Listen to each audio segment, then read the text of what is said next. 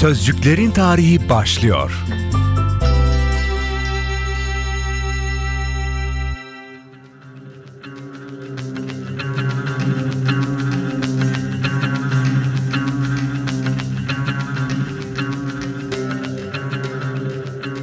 Aylardır bir ülkeyi konuşuyoruz ve her geçen gün daha fazla merak ediyoruz. Giderek ateş çemberinin daraldığı bir coğrafyada yakın gelecekte bu ülkeyi neler bekliyor diye. İktidardaki rejimin Türkiye ile hasım haline geldiği bu günlerde en yakın komşu hatta etnik ve kültürel akrabalık bağlarının çok sıkı olduğu Suriye ile daha nereye kadar düşman kalabiliriz? Elbette sorun halklar arasında değil, Şam'daki Esad yönetiminin insan haklarına aykırı uygulamalarında ama nihayetinde Suriye ile Türkiye arasında tırmanan gerginlik her iki ülkenin kırmızı çizgilerini zorluyor. Halbuki Suriye, yüzyıllar boyunca Türk kavimlerinin Araplarla ortak kaderi paylaştığı bir yurdun adı.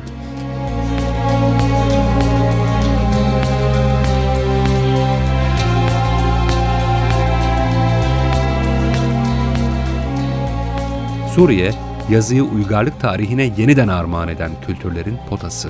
Roma'nın, Bizans'ın, Osmanlı'nın gözbebeği vazgeçilmezi, kutsal yolların kavşağı. Suriye sadece bir coğrafyanın adı değil, tarihin dönüm noktalarına sahne olmuş çok sayıda gerçek öykünün de toplamı. Sözcüklerin tarihinde bir önceki bölümde yarım bıraktığımız Suriye sözcüğü üzerinden yakın tarihi özetleyen ikinci bölüme geçiyor ve hatırlamaya devam ediyoruz. Yıl 1920.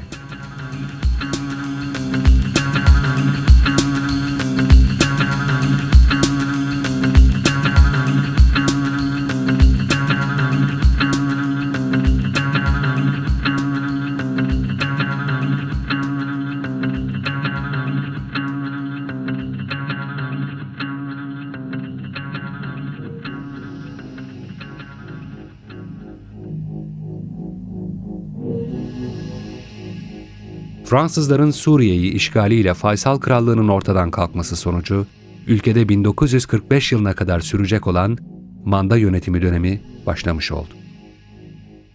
Fransızlar Suriye'de güçlerinin artması için tek yolun Sünni İslami düşünceyi benimsemiş Arap milliyetçi hareketine karşı karşıt dini azınlıkları güçlendirmek olduğunu düşünüyordu. Sünni Osmanlı idaresi boyunca kendilerinin aşağılandığını düşünen azınlık gruplarının bağımsızlık vaadiyle örgütlenmeleri ve Fransız politikaları yönünde kullanılmaları zor olmadı. Bunları bölgenin Katolik ve Protestan dini azınlıklarından Dürzi, Maruni ve Nusayri gibi heterodoks azınlıklara kadar geniş bir yelpaze oluşturuyordu.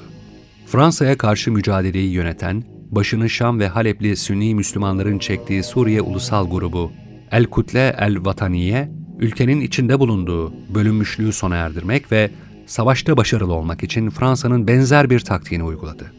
Suriye'de ulusal bilinci oluşturmak amacıyla dini, fikri ve sınıfsal ayrılıkları bir kenara bırakarak Hristiyan gruplar da dahil birçok kesimle ortak hareket etmeye başladı.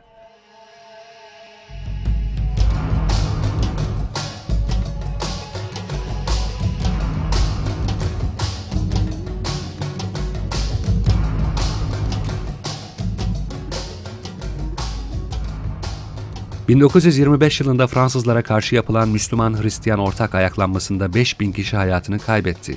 Sınıfsal ve ekonomik koşullara dayalı hoşnutsuzluğun her geçen gün daha da arttığı manda yönetimi döneminde milliyetçilerin başını çektiği hareketler direniş bilincini kamçılayarak Fransızlara karşı yaygın bir muhalefet oluşturmayı başardılar. 1928 yılında Fransız yönetimi birçok milliyetçi grubu bünyesinde barındıran ulusal grup oluşumunu tanımak zorunda kaldı. 1930'a gelindiğinde Fransa bir adım daha geri atarak mevcut anayasaya Suriyelilerin kendi hükümetlerini kurarak yönetilmeleri yolunu açacak bazı maddeler koydu. Belirli ailelerin tekelindeki Suriye'de kendilerine sadık soylu aileler bulmakta zorlanan Fransızlar 1925 yılına kadar ciddi meydan okumalarla karşılaşsalar da bundan sonra otoritelerini hakim kılmayı başarabildiler.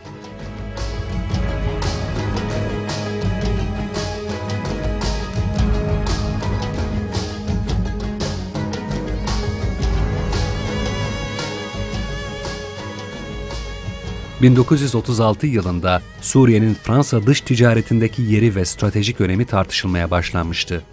Leon Blum'un liberal sosyalist iktidarındaki Fransa'nın yaklaşan İkinci Dünya Savaşı öncesi ilgisini Avrupa'ya yoğunlaştırmak zorunda kalması Suriyelilere yıllardır bekledikleri fırsatı verdi nihayet.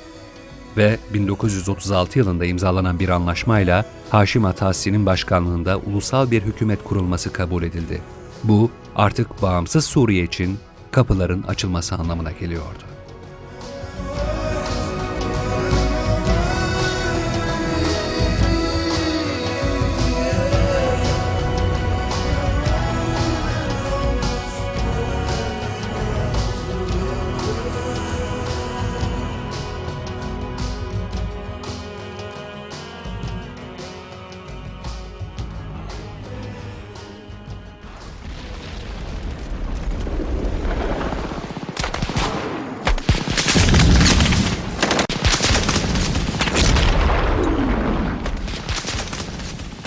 İkinci Dünya Savaşı'nın başlaması ardından Suriye'nin bağımsızlık süreci de hızlandı.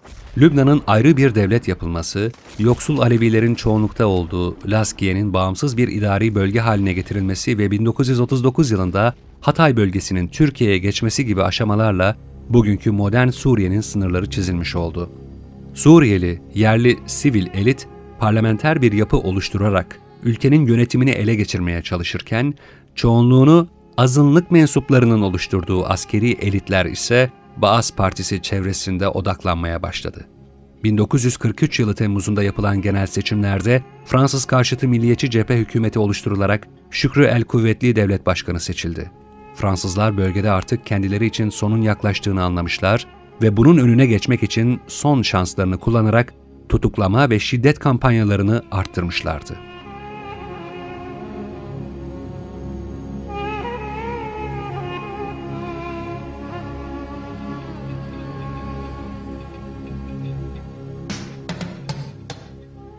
Suriye hükümeti 1944 yılında Fransızların yanında milliyetçilere karşı savaşan Trup Spécial de Levant yani özel birlikler dahil ekonomik, sosyal ve eğitim gibi toplumun tüm alanlarında hakimiyeti ele geçirdi. Fransa'nın tüm muhalefetine rağmen Sovyetler Birliği ve Amerika Birleşik Devletleri'nin Eylül 1944'te Suriye ve Lübnan hükümetlerini ön koşulsuz olarak tanımaları ve bir yıl sonra da İngiltere'nin aynı yolu izlemesi Fransa üzerinde büyük baskı oluşturdu. Paris yönetimi, milliyetçi hükümetin kendisine özel haklar vermesi karşılığında çekilmeye razı olurken, Ocak 1945 tarihinde Suriye hükümeti ulusal ordu kurduğunu bildirerek Fransızlara karşı savaş ilan etti.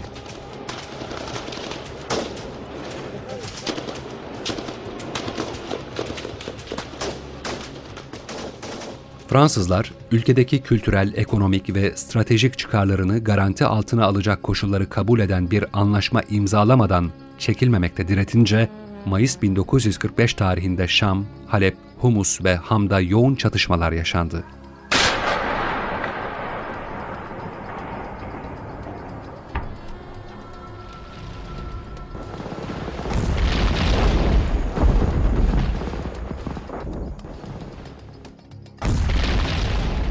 İngiltere Başbakanı Churchill'in bölgeye askeri birlik göndereceği yolundaki tehditleri üzerine General Charles de Gaulle ateşkes ilan ederek Şubat 1946 tarihinde ilan edilen Birleşmiş Milletler çözümünü kabul etti. 15 Nisan 1946 yılında tüm Fransız askerleri Suriye topraklarından çekilerek 25 yıllık manda yönetimini sona erdirdi. Suriye artık kendi başınaydı.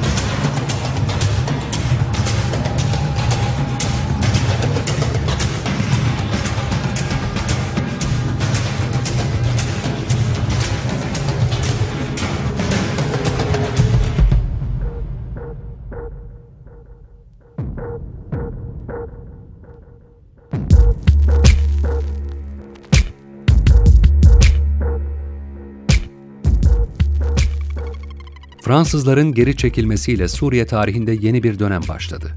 Ancak bağımsızlık dönemi Fransız işgali sırasında ertelenen tüm ayrılıkları gün yüzüne çıkarmakla kalmamış, aynı zamanda ülkeyi bu çıkar grupları arasındaki savaşın içine sürüklemişti. Bazı tarihçiler modern Suriye'nin geçirdiği siyasi aşamaları dört aşamada değerlendiriyorlar. 1920-45 manda döneminde Alevilerin yükselişi, 1946-63 yılları arasında Sünni hakimiyeti, 1963-70 yılları arasında Alevilerin birleşmesi ve 1970 sonrası Alevi hakimiyeti olarak.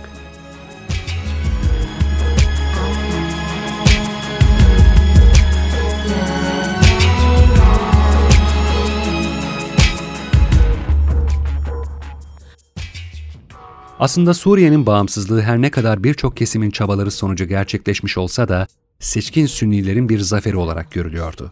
Bu kesimin üstünlüğü aldıkları eğitimin, yönetim tecrübesinin ve faal kesimleri yönlendirebilme yeteneklerinin yanı sıra toprak sahipliğine dayalı zenginliklerinden geliyordu. Osmanlı dönemine kadar uzanan bu avantaj, söz konusu Sünni kesimlerin Fransız manda yönetimi altında da büyük toprak alımlarını sürdürmeleri sonucu devam etmişti. 1946 yılına gelindiğinde bağımsızlık sonrası ülkenin politik yaşamı 50 kadar ailenin kontrolü altındaydı. Aslında ülkenin sosyal ve siyasi görünümü hiç de iç açıcı sayılmazdı. 1948 yılına kadar Şamlı politikacıların hakim olduğu Ulusal Parti ile Halepli tüccar sınıfının yönlendirdiği Halkçı Parti iki ayrı siyasi güç olarak öne çıkmaya başlamıştı.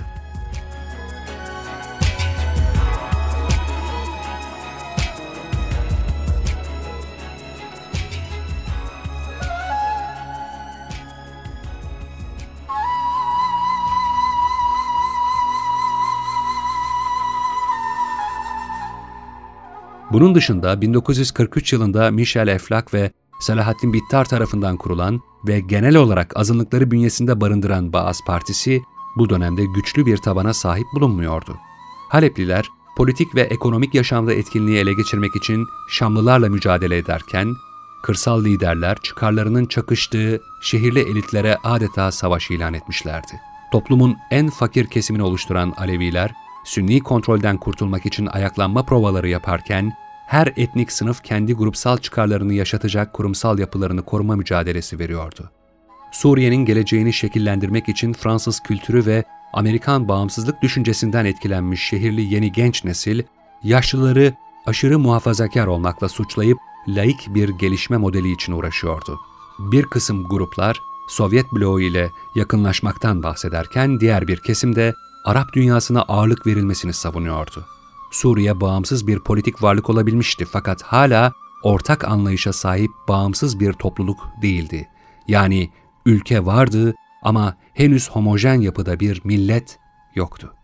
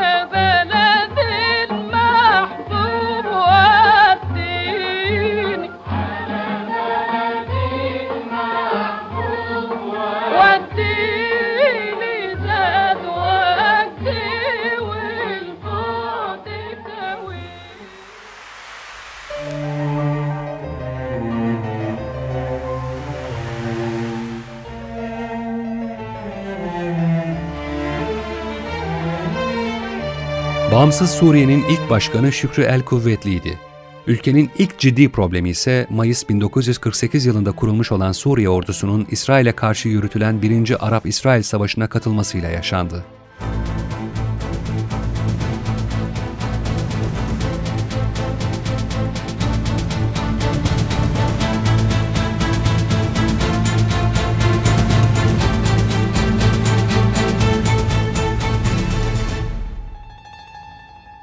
İsrail karşısında büyük bir yenilgi yaşayan Arap cephesi, bunun bedelini ülke içi siyasetlerindeki çalkantılarla fazlasıyla öderken, genç Suriye yönetimi de bundan nasibini aldı. Yenilgiden hükümetin yanlış politikalarını sorumlu tutan ordu, sivilleri suçlarken siviller de askerlere yükleniyordu.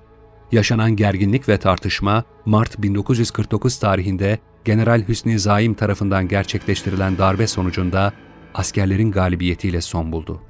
İngiliz ve Fransızlar tarafından desteklenen Hüsnü Zaim tüm partileri feshederek tek başına katıldığı Temmuz seçimlerinde başkan seçilse de ülkede yıllarca sürecek olan kirli bir iktidar mücadelesinin ilk örneğini ortaya koyduğu için muhaliflerince aynı yöntem kullanılarak düşürülmesi gecikmedi. Suriye'de artık darbeler dönemi başlamıştı.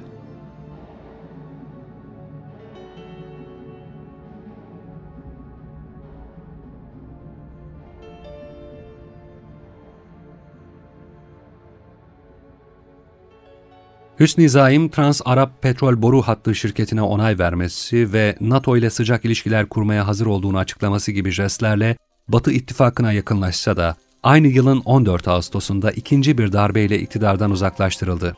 Ülke siyasetinde Halep ekolünü temsil eden General Sami el-Hinnavi, Devlet Başkanı Hüsnü Zaim ve Başbakan Muhsin el-Barazi'yi tutuklayarak göstermelik bir mahkemeden sonra idam ettirdi. Hinnavi'nin darbesiyle sivillere döndürülmesi beklenen ülke siyaseti bu kez de 19 Aralık 1949 tarihinde gerçekleştirilen bir başka darbeyle demokrasi umudunu tüketti. Sami el-Hinnavi'nin Suriye çıkarları aleyhine başta Irak olmak üzere dış güçlerle işbirliği yaptığını iddia eden Albay Edip Çiçekli, şimdi ülkenin yeni diktatörüydü.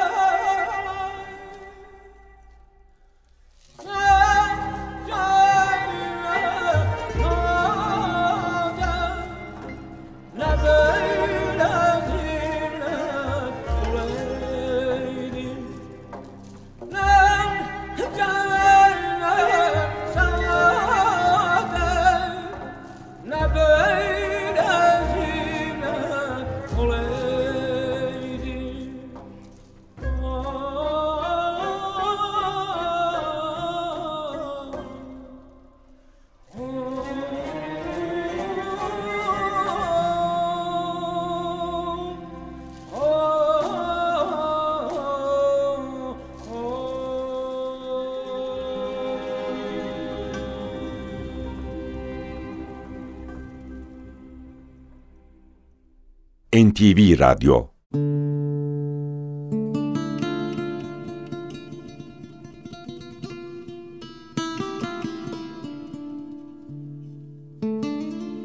Edip Çiçekli, Türk asıllı bir aileden geliyordu. Kurucu meclis, yeni bir anayasa hazırlanmasını istese de, lidersiz durumdaki sivillerin otoriteyi korumaları mümkün görünmüyordu. Ülkede enflasyon yükselmekte, işsizlik ürkütücü boyutlara ulaşmaktaydı.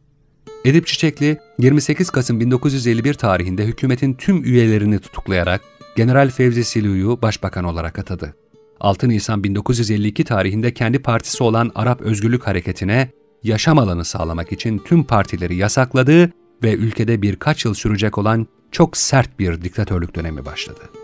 1953 yılı Temmuz ayında yapılan referandumla Suriye halkı başkanlık sistemini kabul ederek Albay Edip Çiçekli'nin başkanlığını onayladı. Aynı yılın sonlarında özellikle öğrenci eylemleri ve diktatörlüğe karşı isyana teşvik eden bildirilerin ülkenin her yanında dağıtılmaya başlamasıyla Çiçekli rejiminin sonu görünmüştü.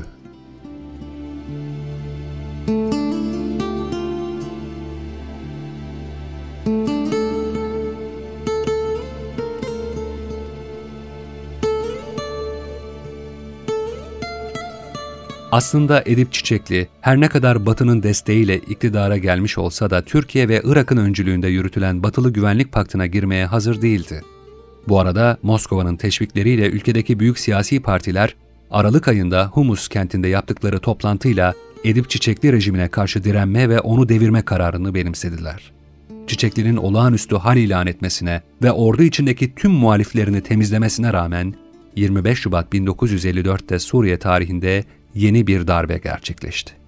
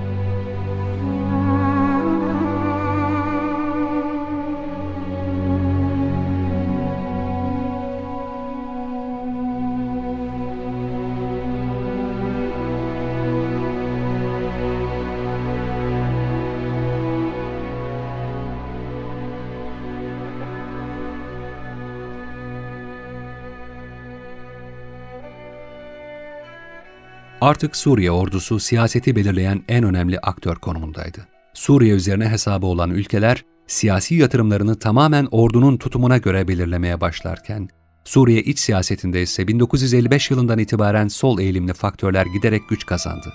Halk nezdinde batılı ülkelerin yıllarca Suriye'yi sömürmesine duyulan öfke hala geçmemişti. Buna, ülkedeki askeri diktatörlüklerin kurulmasında Batılıların kendi çıkarlarına hizmet edecek subaylarla içli dışlı olmaları ve İsrail'in kurulması lehindeki İngiliz ve Amerikan ve Fransız politikaları eklenince kamuoyunda büyük bir tepki oluşmuştu. Bu gelişmeler anti-batı söyleme sahip Baas Partisi ve Komünist Parti gibi ismi yeni yeni parlayan sol partilerin eline büyük bir koz vermişti. Edip Çiçekli rejimine karşı sürdürdüğü muhalefet, Baas Partisi'nin 1953 yılında Ekrem Hurani'nin Arap Sosyalist Partisi ile birleşmesini kolaylaştırmıştı. 1954-60 arası dönemde Suriyeli politikacılar sadece iç çekişmelerle değil, uluslararası politikanın bölgesel rekabetiyle de içli dışlıydılar.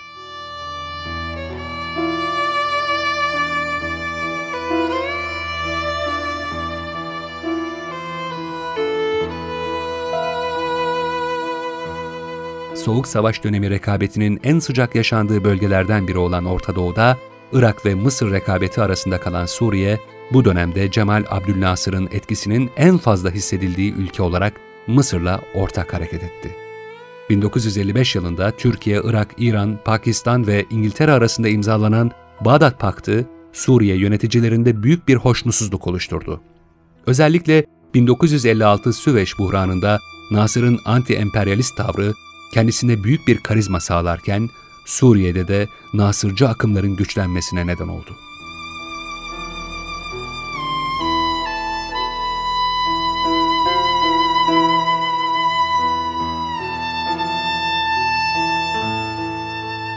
Temmuz 1956 tarihinde ülke içindeki kavgada ne sağın ne de solun adamı olan Genelkurmay Başkanı Şevket Şukayr'ın istifası büyük bir sürprizdi. Bu istifa, rakip grupların ordu içine sızmasını kolaylaştırdı. Böylece tüm rakip akımların siyasetin gerçek belirleyicisi durumundaki orduya nüfuz etme çalışmaları hız kazandı. 1957 yılının sonlarına doğru Suriye ordusundaki Nasırcı, Bağızçı ve komünist kanatlar güçlerinin zirvesinde bulunuyordu.